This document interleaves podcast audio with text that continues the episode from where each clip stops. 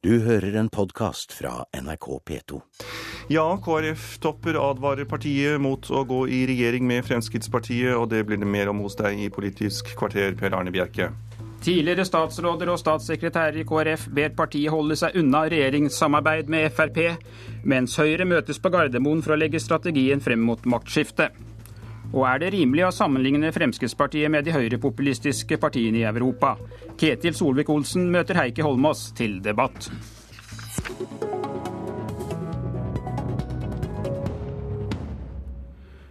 Vårt Land gjengir i dag et brev fra 24 tidligere sentrale politikere i KrF. Her advares partiet mot å gå i regjering med Fremskrittspartiet. Blant underskriverne er tidligere statsråder, stortingsrepresentanter og statssekretærer.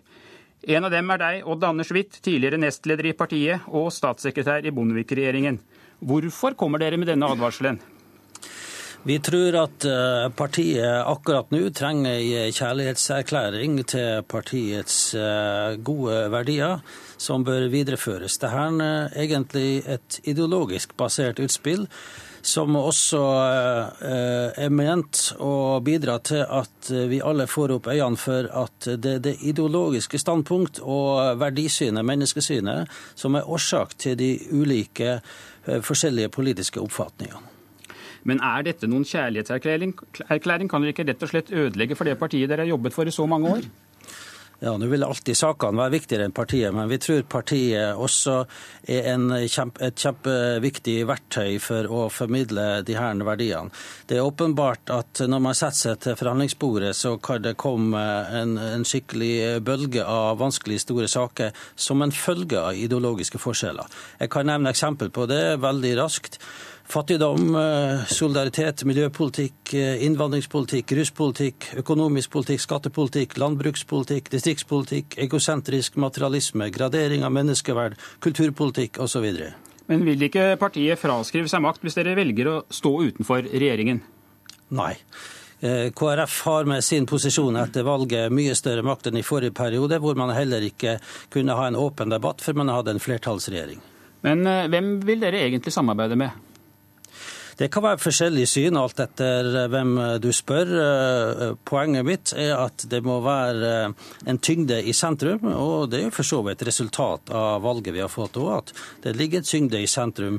Ikke det at de største partiene ligger der, men vi liker å samarbeide. Vi tror heller ikke KrF er et fullkomment parti som, som ikke trenger noen samarbeidspartnere, men det må være en helhet, for å sitere partilederen. Helheten skal man stå for hver dag, og da kan man ikke by på tilfeldigheter ut fra vidt forskjellige menneskesyn. Men eh, hvorfor er det rimelig at Frp skal stå utenfor regjering når partiet fikk langt flere stemmer enn eh, KrF og Venstre til sammen?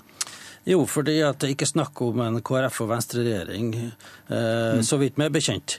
Eh, det er heller ikke snakk om at man driver matematikk, men man driver politikk basert på eh, verdier som samla sett skal ha oppslutning i Stortinget, gjerne fra sak til sak. Da får vi en åpen debatt, en demokratisk debatt, i motsetning til at man sperrer debatten inne i åtte år, som vi har opplevd nå. Tror du at Hareide vil lytte til de rådene dere kommer med i Vårt Land i dag? Ja, det tror jeg. Han har kommet med veldig positive reaksjoner. Han eh, sier at det her kommer fra folk som vil oss vel, og han sier at vi må stå inne for helheten. Sånn at vi har stor tillit til at det her kommer til å gå bra. Takk skal du ha, Odd Anders Hvitt, tidligere nestleder i Kristelig Folkeparti. Nestleder i Fremskrittspartiet, Ketil Solvik-Olsen. Hvordan reagerer du på at 24 tidligere KrF-topper går ut og advarer KrF mot å samarbeide med dere? Nei, Det er jo først og fremst et problem for KrF selv som de må rydde opp i. Men eh, mange av de tingene som man tar opp, er jo på veldig overskriftsnivå. Jeg eh, klarer ikke helt å ta alvorlig eh, alle anklagene kommer mot oss. På mange av disse områdene så er jo avstanden mellom KrF Venstre større enn mellom KrF og Frp. Så det sier litt om at dette er nok mer en forutinntatt holdning enn en realitetsorientering. I brevet så antyder de 24 at de heller vil ha en sentrum-høyre-regjering. Eh, hvor realistisk er det fra ditt ståsted? Nei, eh, De kan godt prøve, men Fremskrittspartiet har sagt at vi vil gjerne ha en ny regjering, men vi forventer òg å være en del av den. Og Det har jeg oppfatta er holdningen på ikke-sosialistisk side. Eh, og Derfor anser jeg det til å være en, en ja, problemstilling som egentlig ikke eksisterer lenger.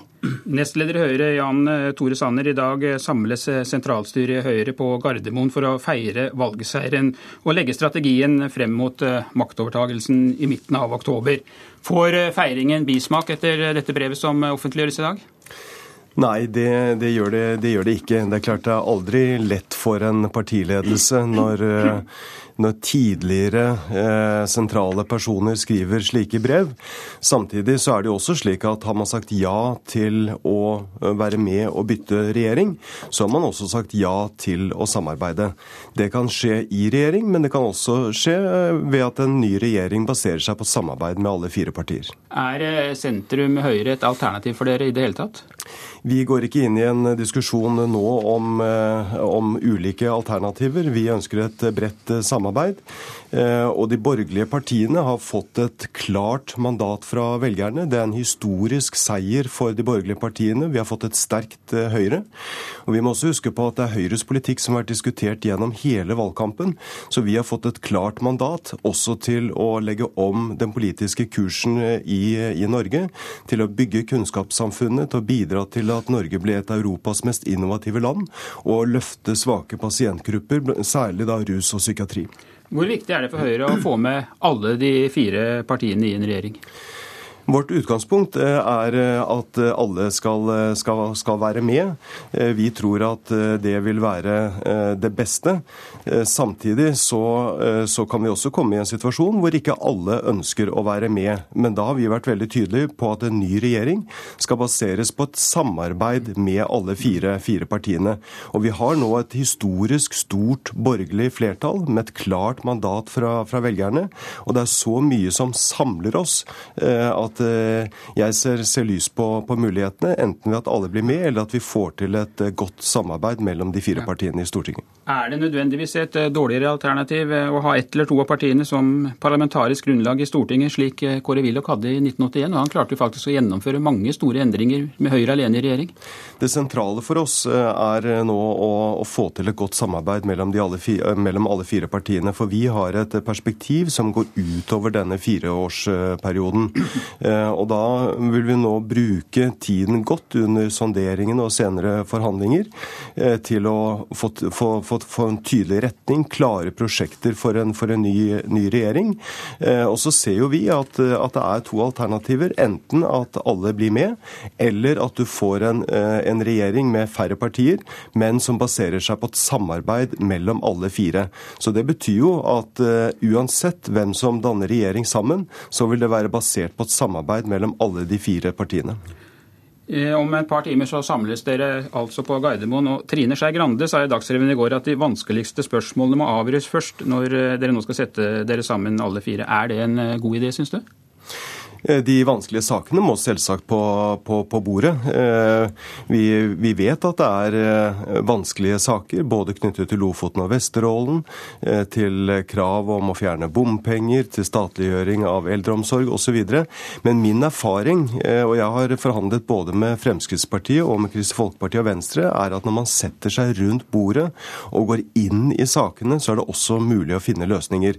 Så vi må selvsagt gå løs på de vanskelige sakene, men vi kommer også til å bruke tid eh, på alle de eh, politikkområdene som samler oss, både innenfor frivilligheten, når det gjelder helse- og omsorgspolitikken, når det gjelder kunnskapspolitikken, og diskutere hva skal være de store, viktige prosjektene for en ny borgerlig regjering. Ketil Solvik-Olsen, Hva slags fremgangsmåte vil du anbefale at Erna Solberg legger opp til når dere nå skal gå i gang med forhandlinger?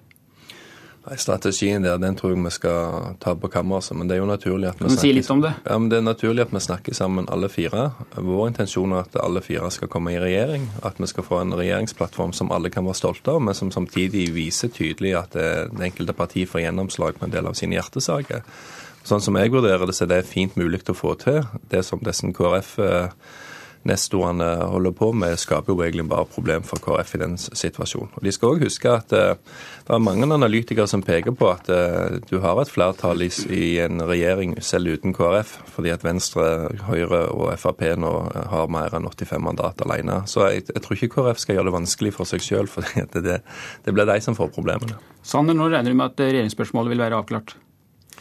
Nei, Jeg skal være forsiktig med å spå det. Vi har en eh, tidsramme eh, frem til 14.10 hvor budsjettet legges frem, og hvor statsministeren har varslet at han formelt vil gå til, gå til kongen.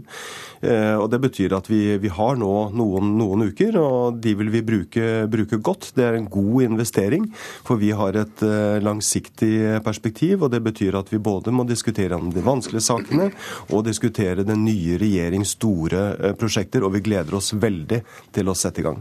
Takk skal du ha, Jan Tore Sanner. Heikki er en liten friskus, men han passer av og til ikke munnen sin, for å si det rett ut. For han burde vite mye bedre enn det. Fremskrittspartiet er et parti som har en mye bredere agenda, og som heller ikke står for innvandringsstandpunkt eller holdning til innvandrere, som f.eks. Sverigedemokraterna har gjort. Heikki Holmås burde unnskylde seg. Ja, Heikki Holmås, utviklingsminister og snart stortingsrepresentant for SV. For et par dager siden så tvitret du at det er helt naturlig at utlandet oppfatter Frp som Norges høyrepopulistiske parti, som Dansk Folkeparti og Sverigedemokraterna. Vil du be Frp om unnskyldning, slik den kommende statsministeren oppfordrer deg til? Nei, man bør ikke be om unnskyldning for noe som er sant. Og det er sånn at Fremskrittspartiet Fremskrittspartiet bærer alle trekkene ved å, de vesentlige trekkene ved å være et høyrepopulistisk parti. Store norske leksikon bruker begrepet høyrepopulistisk om de. Seriøse aviser som The New York Times og The Independent bruker begrepene anti-innvandringsparti og høyrepopulistisk om de. Og hvis du sammenfatter forskning, av, eh, forskning på høyrepopulistiske partier, så er det en brei brei enighet om at Fremskrittspartiet er et høyrepopulistisk parti, i familie med de andre. Ja, sågar en av de første partiene som lyktes med å bli et nasjonalt parti. Ketil Solvik-Olsen, burde Holmås be deg om unnskyldning? Hva, hva, han gjør, begynner egentlig å bli ganske uinteressant. Men det han bidrar til, det er jo å skape et svært negativt bilde som vil ramme ja, synet mange har på det som har skjedd i norsk politikk. Ja da, Vi er et parti på høyresiden i norsk politikk, og på enkelte områder kan jeg godt si vi er populistiske i den forstand at vi har en veldig sterk grasrotbevegelse. og Vi som parti lytter veldig til hva folk der ute mener. fordi det er folks hverdagsproblem Frp er veldig opptatt av.